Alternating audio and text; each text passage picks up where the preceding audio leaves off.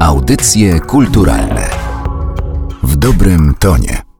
Pies, choć jest zwierzęciem w wielu domach traktowanym niemal na równi z domownikami, jak członek rodzin, w języku symbolizuje to, co najgorsze. Kogoś traktuje się jak psa, gdy traktuje się go bardzo źle. Ktoś zszedł na psy, gdy stoczył się moralnie.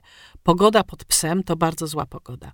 Takich wyrażeń i zwrotów można by przywołać więcej. Świadczą one o tym, że w dawnej kulturze pies był uważany za zwierzę nie tylko złe, ale wręcz nieczyste. Może świadczyć o tym wyraz, który ma dzisiaj bardzo niewinne znaczenie, to znaczy psota.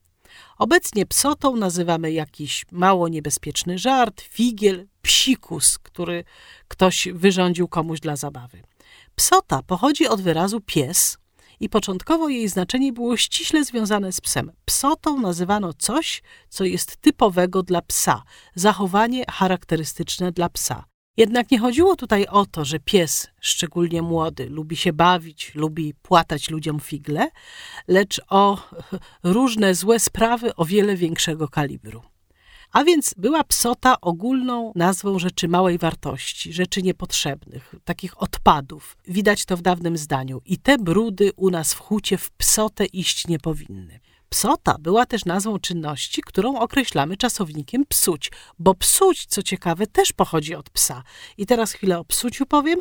Czasownik psuć, który dawniej występował też w formie psować, i tutaj widać wyraźnie ten związek z psem, dawniej znaczył robić coś jak pies, zachowywać się jak pies. A zatem współczesne psuć i dawne psować odnosiły się bezpośrednio do psa, opisywały działanie czy jakieś czynności typowe dla psa. Rozwój znaczenia tego czasownika psuć, to znaczy to, że dzisiaj odnosi się on do zmieniania czegoś na gorsze, pokazuje, jak bardzo małą wartość pies miał kiedyś dla człowieka.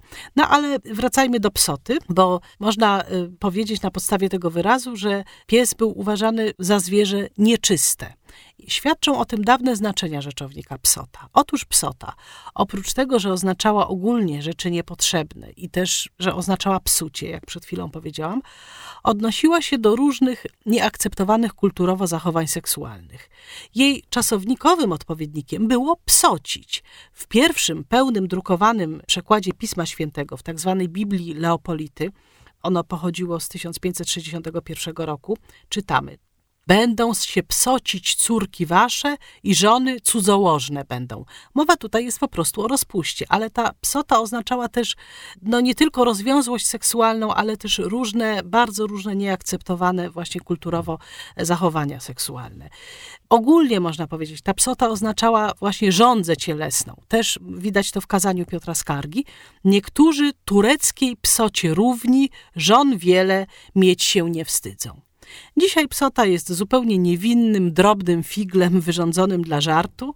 Być może zmiana tego znaczenia, czy zmiana znaczenia tego słowa jest świadectwem innego niż dawniej, nie tak surowego jak kiedyś, no, sposobu postrzegania różnych zachowań seksualnych, czy po prostu rozwiązłości seksualnej.